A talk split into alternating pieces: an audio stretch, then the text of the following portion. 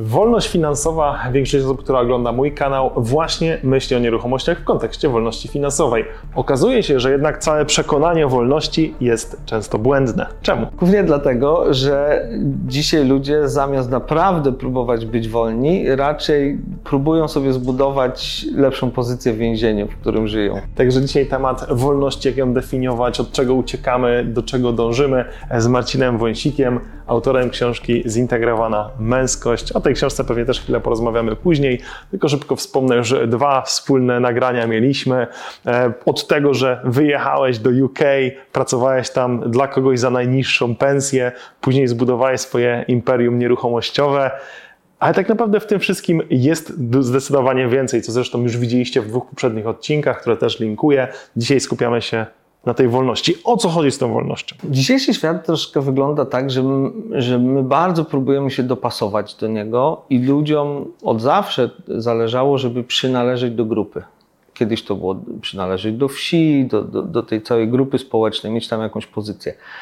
I dzisiaj też tak jest, że bardzo się boimy jakby być na zewnątrz grupy, ta przynależność jest ważna. I trochę nie mamy takich prawdziwych zagrożeń, jak były kiedyś, czyli wojny, czyli takie prawdziwe zagrożenia życia. I w sumie mężczyźni dzisiaj ścigają się w tym, kto zarobi więcej kasy. I to jest ich rywalizacja i miejsce, gdzie oni się realizują. No ale jak wiemy, im bardziej rozwijamy też nasze biznesy, tym w sumie też tracimy dużo takiej wolności, bo każdy biznes zajmuje czas, jednak trzeba go obsługiwać, odpisywać na maile, oddzwaniać i tak dalej. No i ja pracuję z wieloma mężczyznami, którzy już osiągnęli sukces. Mają 40, 50 lat, już mają dobrze działające firmy, mają kupę pieniędzy, ale wcale nie są szczęśliwi. Odkrywają nagle, że wydawałoby się, że to jest taki przepis na, na, na trwałe szczęście, a okazuje się, że niekoniecznie. Poza tym często w wyniku bardzo ciężkiej pracy, żeby dojść do tego punktu. Oni zaniedbali różne aspekty swojego życia, różne przestrzenie swojego życia i, i, już nie potrafią się w nich poruszać w zdrowy sposób po tych 10 czy 15 latach, jak osiągnęli sukces.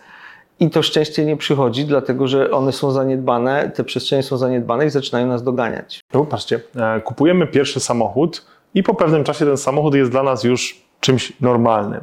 Później kupujemy kolejny samochód, który jest lepszy, ale on jest lepszy tylko w kontekście tego poprzedniego samochodu. Jeździmy lepszym samochodem, po kilku miesiącach znowu się do niego przyzwyczajamy i mówimy, to teraz kupię taki samochód. I kupujemy kolejny samochód. No wiesz, tak naprawdę ta stawka się kiedyś kończy. Kupię Bentleya, Rolls Royce'a, Lamborghini czy cokolwiek.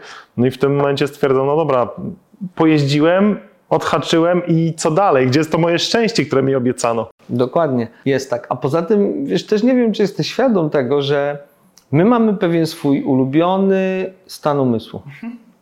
I teraz, jeżeli ktoś jest szczęśliwy na 40%, tak, to jest jego ulubiony stan umysłu, to możesz kupić sobie super samochód, spotkać fajną dziewczynę, wyjechać na egzotyczne wakacje. I z mojego doświadczenia i też pracy z umysłem wieloletniej, to doświadczenie wytrąci cię z twojego ulubionego stanu, w którym przebywasz całe życie, na 4 do 6 tygodni maksymalnie. Mhm. A potem umysł zrobi wszystko, żeby wrócić do swojego ulubionego stanu.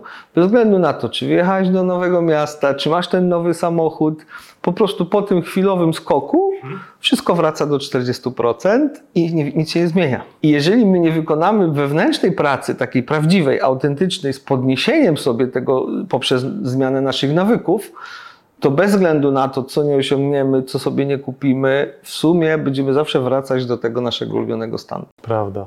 No i co z tym zrobić? No, po pierwsze, rozpoznać. Większość ludzi rozpoznaje to dopiero wtedy, jak cierpi. I jak już mają dość tego cierpienia, zaczynają szukać jakiegoś wyjścia. No, zarobiłem kasę, kupiłem sobie te wszystkie fury, to co chciałem, i okazuje się, że to nie zmienia mojej jakości życia tak bardzo, jak mi się wydawało. Jeżeli do tego jeszcze dochodzą jakieś problemy z dziećmi, albo rozpad związku, mm, albo choroby jakieś związane z zaniedbaniem ciała, często dopiero wtedy pojawia się impuls e, do tego, żeby coś zacząć zmieniać i coś robić. No bo Zarabianie kasy to jest jedna przestrzeń życia, ale jest coś takiego właśnie jak dbanie o swoje ciało na różnych poziomach i na takim fitnessowym, czyli na ile jesteśmy sprawni, ale też na takim poziomie emocjonalnym, czy mamy w ogóle kontakt ze swoim ciałem, czy czujemy, co się w nim dzieje, czy czujemy, kiedy na przykład się zajeżdżamy, bo wielu wiele osób, ja też miałem z tym kłopot, jak pracujesz w nieruchomościach, ciągle się pojawiają nowe okazje, już myślisz, że nie da rady, ale tu się pojawia okazja, to jeszcze jakoś to wcisnę i to wszystko jest kosztem w sumie naszego ciała, nie? I musimy się znieczulić, żeby nie czuć tego, że je zajeżdżamy bo inaczej przestalibyśmy być wydajni. No i w ten sposób jakby zajeżdżamy to nasze ciało i ono w pewnym momencie idzie w tryb awaryjny i coś się dzieje. I tak samo jest w naszych relacjach, jak je zaniedbujemy, w końcu nas to dogoni. Nasza partnerka mówi, wiesz co, ja spotkam faceta, który ma dla mnie czas i w sumie interesuje go, co się ze mną dzieje i w moim życiu i ja już mam dość robienia tych interesów i, i ganiania za tym wszystkim, tak jak ty to ganiasz.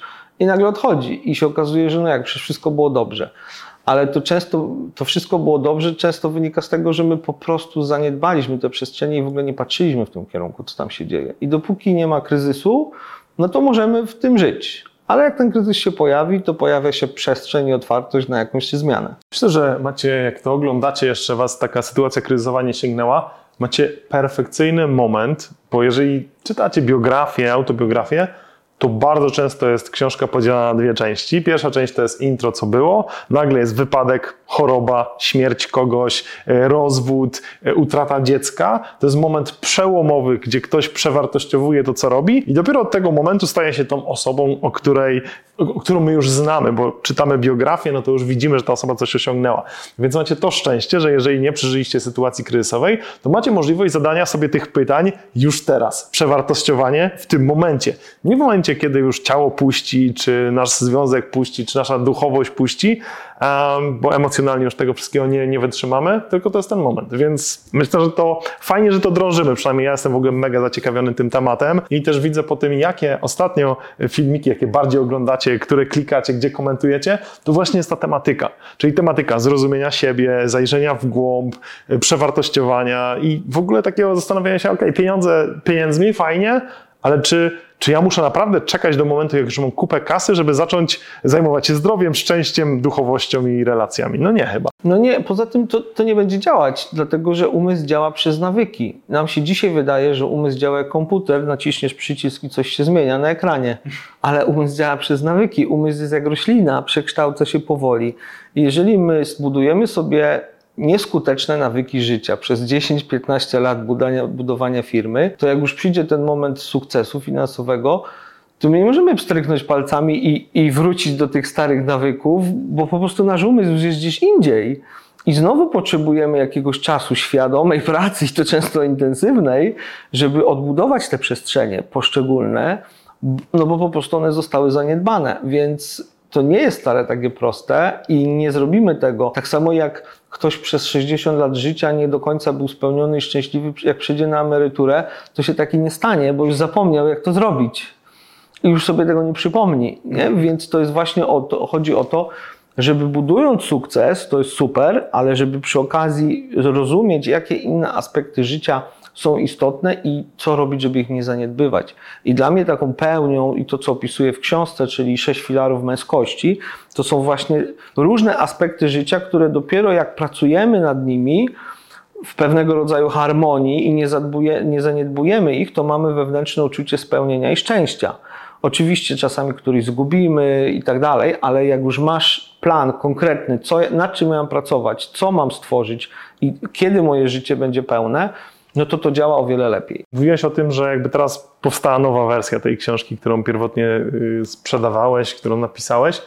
I że wiele osób teraz do ciebie wraca w ogóle z takim, mówi, ja pierdzielę, książka po prostu, wiesz, zakreślona, jak mhm. kolorów multum. Fajna, chuda, delikatna książka, ale naprawdę wywracająca życie soczysta. do góry. Soczysta, wywracająca do góry nogami życie. Na co zwracają uwagę ludzie, którzy ją przeczytają? Dlaczego ona jest taka wartościowa?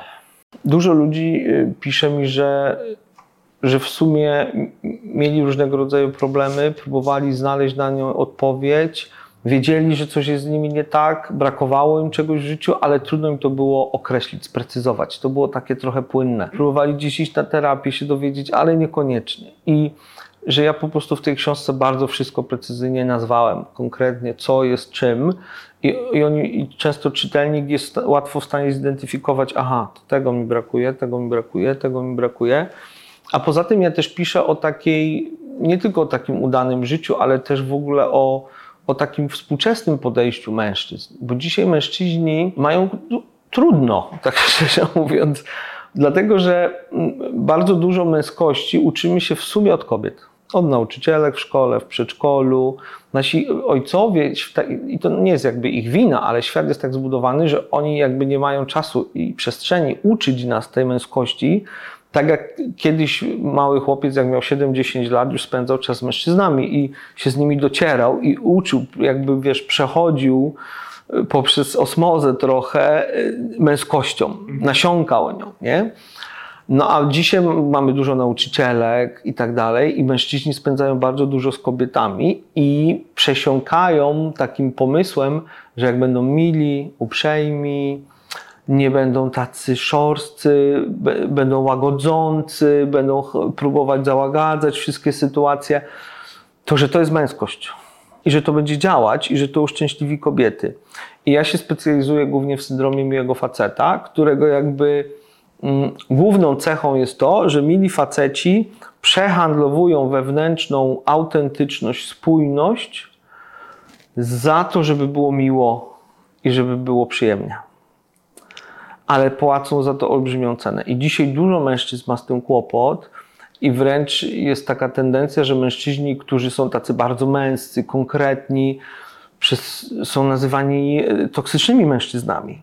A w momencie, kiedy się jest takim ułagodzonym, tylko wiesz, to zawsze jest związane z nieprzejrzystością i z nieszczerością trochę, żeby móc być taki, no to tacy mężczyźni potem są bardzo sfrustrowani, bo w sumie to nie działa, u kobiet nie buduje to poczucia bezpieczeństwa, taki mężczyzna nie prowadzi swojej relacji, ona jest taka trochę przypadkowa, on jest sfrustrowany, potem musi używać różnych pasywno-agresywnych zachowań albo toksycznych nawyków, jak uzależnienia od pornografii, od, od od różnych rzeczy, od niszczenia siebie, od śmieciowego jedzenia, żeby jakoś sobie odreagować to wszystko i wchodzi w, taki, w taką pętlę frustracji, niespełnienia, nie, nie czucia się dobrze jako facet, w sumie starania się, żeby wszystkim dogodzić, ale koniec końców nikt nie jest zadowolony i nikt go nie szanuje.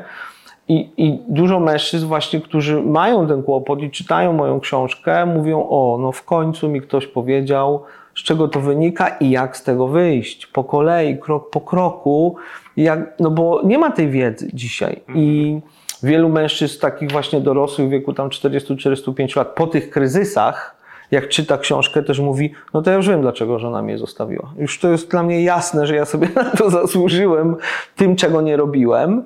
E, a dla młodych mężczyzn to jest taka ciekawa przeciwwaga do tego, czym są nasączani, po prostu tą taką miękką męskością. Szybki przerywnik. Już w sobotę organizujemy konferencję Flipy 2.0 online, czyli cały dzień z poziomu Twojego komputera, gdzie mówimy o tym, jak od A do Z inwestować na rynku nieruchomości. Niezależnie od tego, czy chcesz flipować, czy kupić mieszkanie na wynajem, nie może Cię zabraknąć, szczególnie, że dla moich widzów przygotowałem specjalną pulę biletów, którą możecie odebrać bezpłatnie w linku poniżej.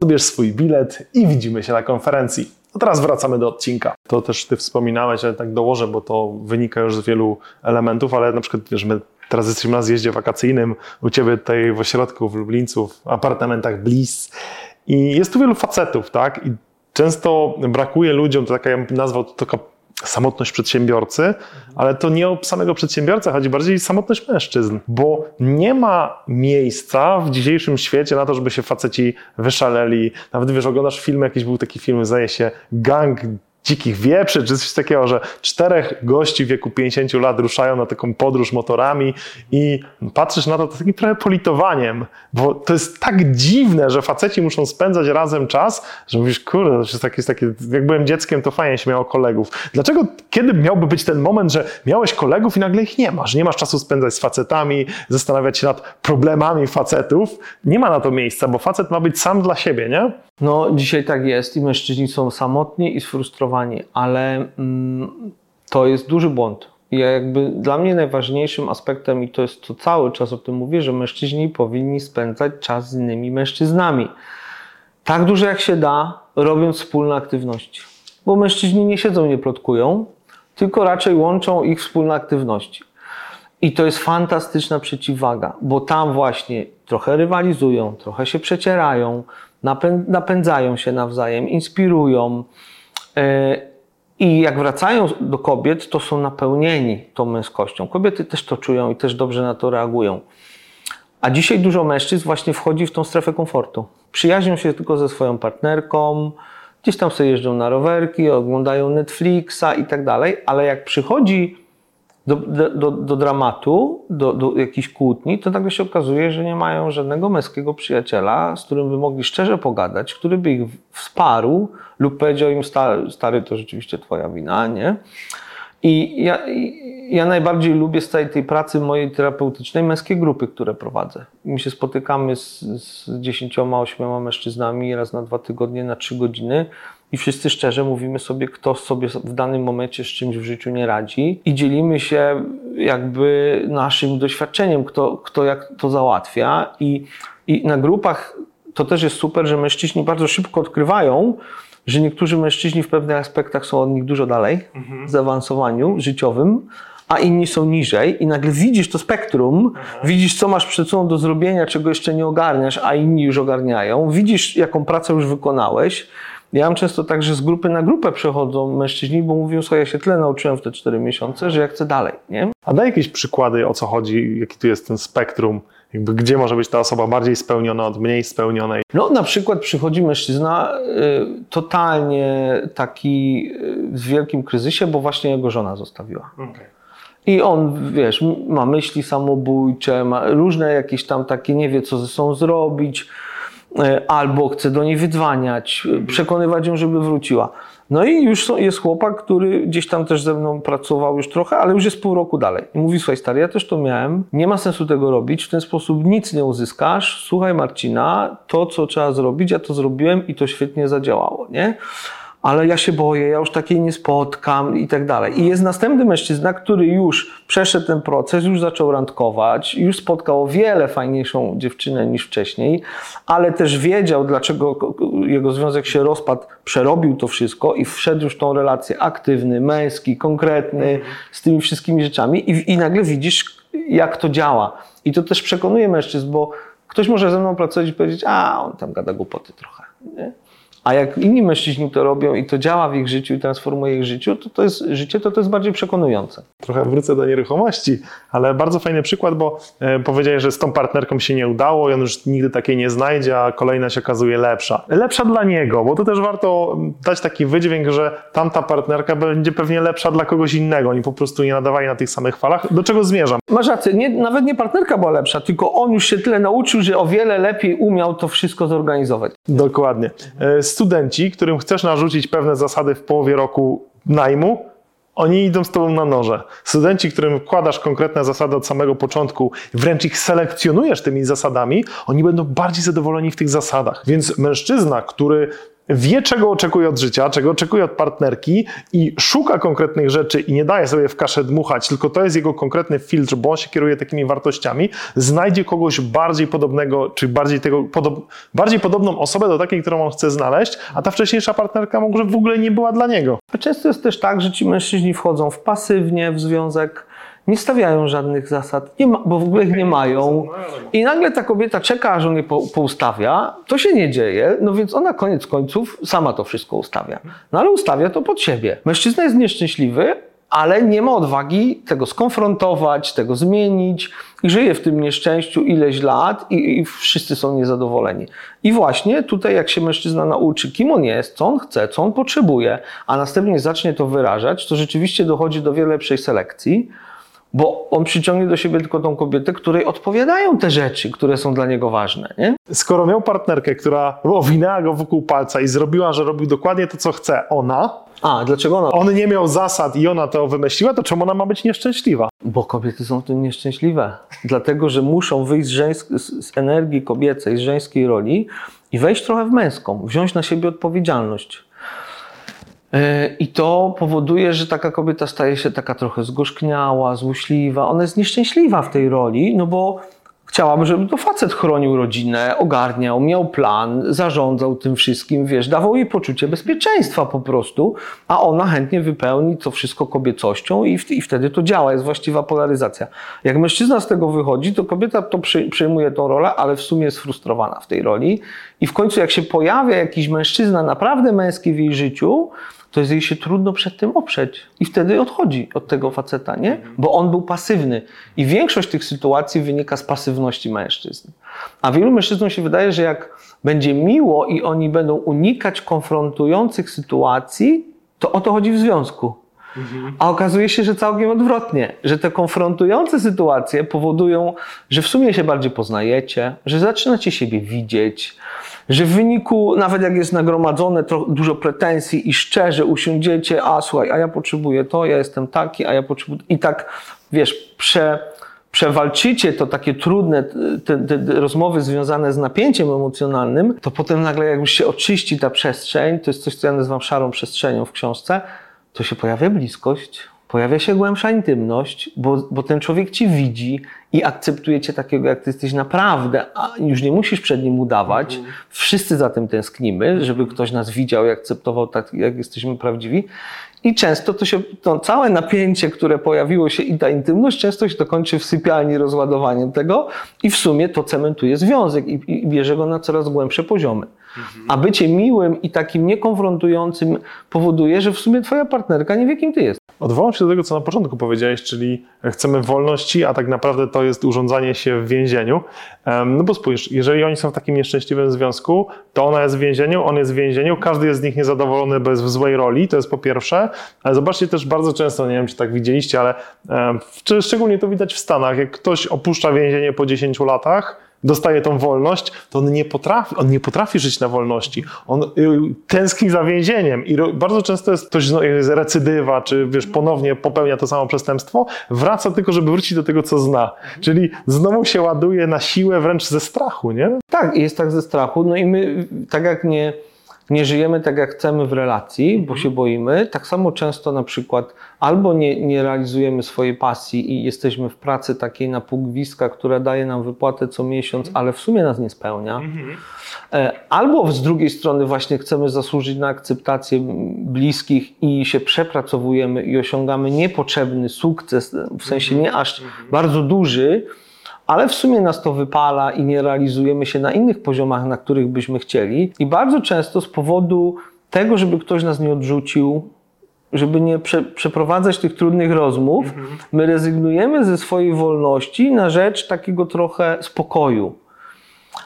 Ale to się w nas kumuluje i powoduje z czasem apatię, depresję, różnego rodzaju po prostu brak spełnienia życiowego.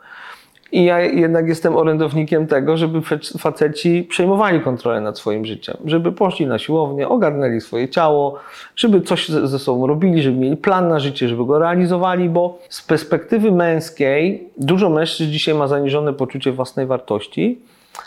I ja zauważyłem, że u mężczyzny jest tak, jeżeli ty odpuszczasz prowadzenie, kontrolę, power, to tracisz dla, do siebie szacunek na wewnętrznym poziomie. Mhm. A z drugiej strony, jak sobie da, zakładasz różne plany i je dostarczasz, wiesz, nie chce ci się, ale wstajesz, idziesz na ten trening, nie chce ci się robić tego biznesu, ale jednak się spinasz, to za każdym razem, jak mężczyzna przekracza swoje ograniczenia, to buduje w nim poczucie wartości od wewnątrz, mhm. że on po prostu nie odpuszcza, że on sam ze sobą walczy.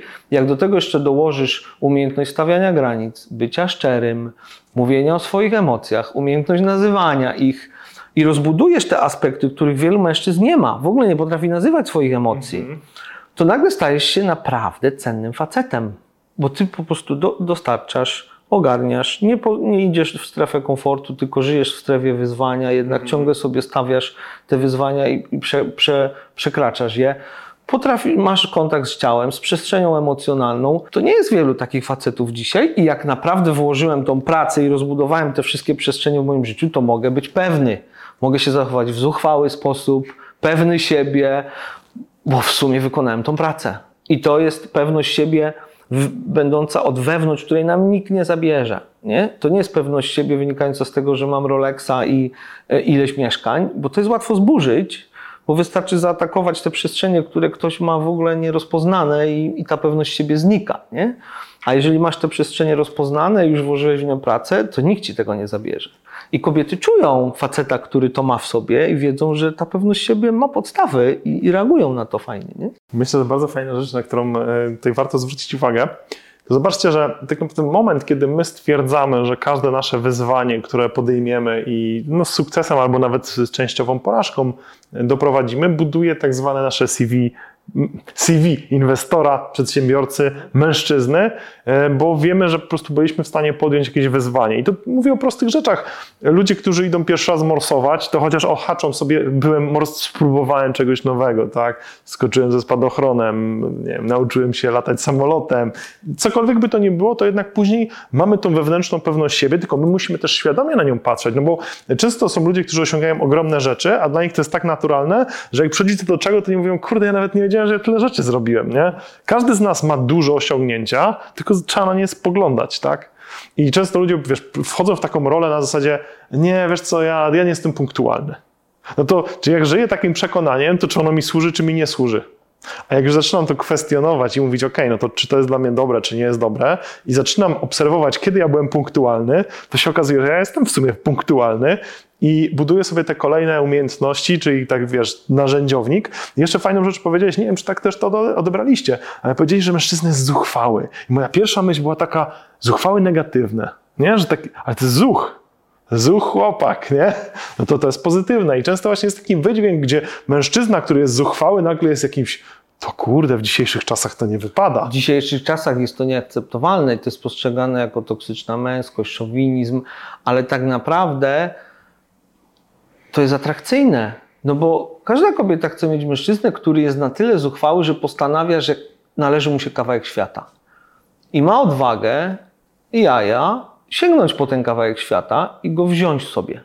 Nie tylko sobie, ale dla całej rodziny, mhm. dla niej również i dla dzieci. A jeżeli nie masz tej zuchwałości w sobie i masz przekonanie, że ci się nic nie należy, że, że tylko minimum, no to po prostu tego w ogóle nawet nie, nie pójdziesz w tym kierunku, nie wpadniesz na taki pomysł. Więc mi chodzi o taką zuchwałość, że w sumie nie ma ograniczeń, że ja mogę robić wielkie rzeczy i tak naprawdę tylko moje ograniczające przekonania są w stanie mnie powstrzymać. I właśnie też myślałem o tym kontekście męskiej grupy, o której wspomniałeś, bo często najprostszym takim miernikiem jest spojrzenie na inne osoby, tak? No bo skąd ja będę wiedział, czy ja w siebie wierzę, czy nie wierzę, dopóki ja nie będę miał jakiegoś porównania. Widzę gościa, który robi, i to właśnie takie to jest głupie, ale często tak jest, że mówisz sobie, taki gościu, w sensie negatywnym, że nie powiedziałbym, a robi tak zarąbiste rzeczy, to ja nie mogę tego zrobić, nie? Tak. I mówisz, dlaczego tak jest? A w drugą stronę jest też tak, że mam chłopaków, którzy są ogarnięci, dobrze zbudowani, robią duże rzeczy i mają tak niskie poczucie własnej wartości, często wklejone im na przykład przez mamę w dzieciństwie, żeby go trochę zniewolić, albo przez jakieś toksyczne relacje, które budowali w niewłaściwy sposób. I oni mają tak praktycznie mają kupę super aspektów. Ale ich postrzeganie tego jest tak zaburzone, że oni tego w ogóle nie, nie widzą w sobie. I jak, jak mówią o sobie w negatywny sposób i na grupie to jest fajne, że mężczyźni mówią stary, ale chłopie, ty ogarniasz o wiele lepiej od większości z nas. Popatrz, masz to, masz to, masz to, masz to. Brakuje ci tylko tego i tego, żeby być naprawdę super. I ci mężczyźni często po raz pierwszy patrzą na siebie w ten sposób. Mhm. Że w sumie to wy macie rację, a mi zawsze wszyscy wmawiali, że jest tak źle i oni kupili po prostu mhm. to. No bo jeżeli mamy, tak w relacjach jest, jeżeli mamy partnera, który gdzieś tam ma duży lęk i tak dalej, to on może nas pomniejszać w tym sensie, że przedstawiać nam niewłaściwy obraz nas samych, po to, żeby, żeby się nie bać, że ktoś nas ukradnie. Mhm. Nie? Jakby to może tak działać w ten sposób. Więc część mężczyzn ma mega zaniżone poczucie własnej wartości niepotrzebnie i, i, fajnie jest to odbudowywać. Poza tym to też energetycznie czuć, bo na przykład jak mężczyźni zaczynają randkować, czy idą gdzieś do klubu e, i ja mówię, jeżeli chcesz zobaczyć na jakim poziomie jesteś, to zobacz jakie kobiety na ciebie reagują. Które kobiety wysyłają ci taki sygnał otwarcie, że się uśmiechną, że przytrzymają dłużej wzrok, coś tam. Żadne. Nie. Ale to jest twój poziom, na którym, którym ty emanujesz. Aha.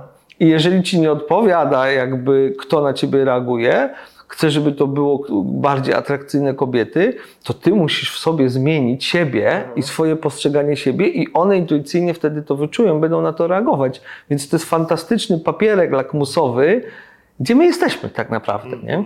Dwa wątki mi się urodziły, to pozwolę sobie pierwszy najpierw e, wziąć na warsztat, bo też sobie tak cofnę się krok wstecz, a później o tym papierku lakmusowym trochę porozmawiamy. Um, pomyślałem sobie o uzuchwałym mężczyźnie, który ma czas dla siebie, ma swoje zasady, ma tych swoich znajomych, kumpli, męską paczkę, versus ten miły gościu, który spędza cały czas ze swoją partnerką. To, I ten obraz mężczyzny, o którym też wcześniej powiedziałeś, że jak ja tak kojarzę w dzieciństwie, no to tata jednak dużo pracował, e, większość czasu spędzałeś z mamą, no bo tak to wyglądało. I mimo, że tata robił na rodzinę i w sumie dbał o jej bezpieczeństwo, to nie miał czasu ani dla mamy, ani dla dzieci, tak? czy dla, dla synów, czy dla syna w tym wypadku.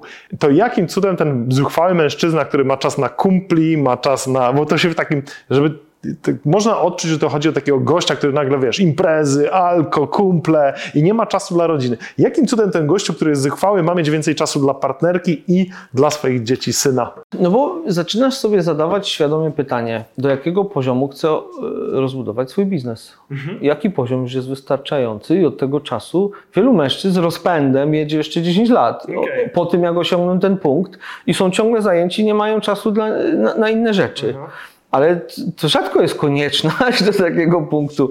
Pytanie, gdzie jest ta granica, i wtedy masz już więcej czasu na rozbudowanie tych innych przestrzeni. Poza tym fajnie jest też, wiesz, to nie musi być tak, no możesz mieć raz w piątek wieczorem wyjść ze swoimi kumplami na kolację i w ten sposób podtrzymywać swoją relację. Nie zabierze to jakoś nie wiadomo ile mhm. twojej rodzinie. Możesz sobie chodzić na siłownię, czy mieć chodzić na jiu i, i to są twoje kontakty z mężczyznami, nie? A oprócz tego mieć i czas, żeby spędzić jeden, jedno popołudnie czy dwa ze swoją żoną, ze swoim dzieckiem. To jest kwestia świadomego rozplanowania tego. Tylko, że tak, jak, jak jesteśmy przemęczeni, niewyspani, zestresowani, rypiemy cały dzień w, w pracy po 10-12 godzin, to my jak przychodzimy jako mężczyzna, to chcemy odpocząć w tym takim niebycie i wtedy serial, jakiś rodzaj znieczulenia powoduje, że z nas to wychodzi.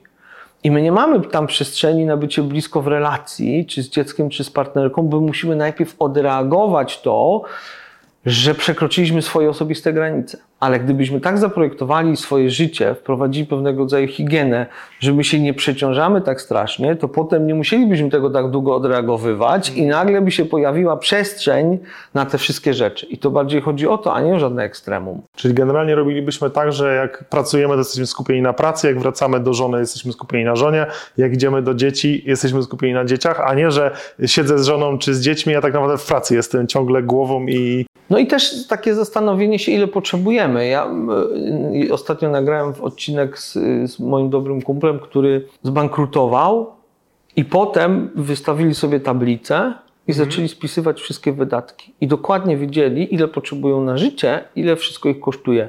I teraz już mają nadmiar, już kupują następne nieruchomości, ale ten nawyk im został.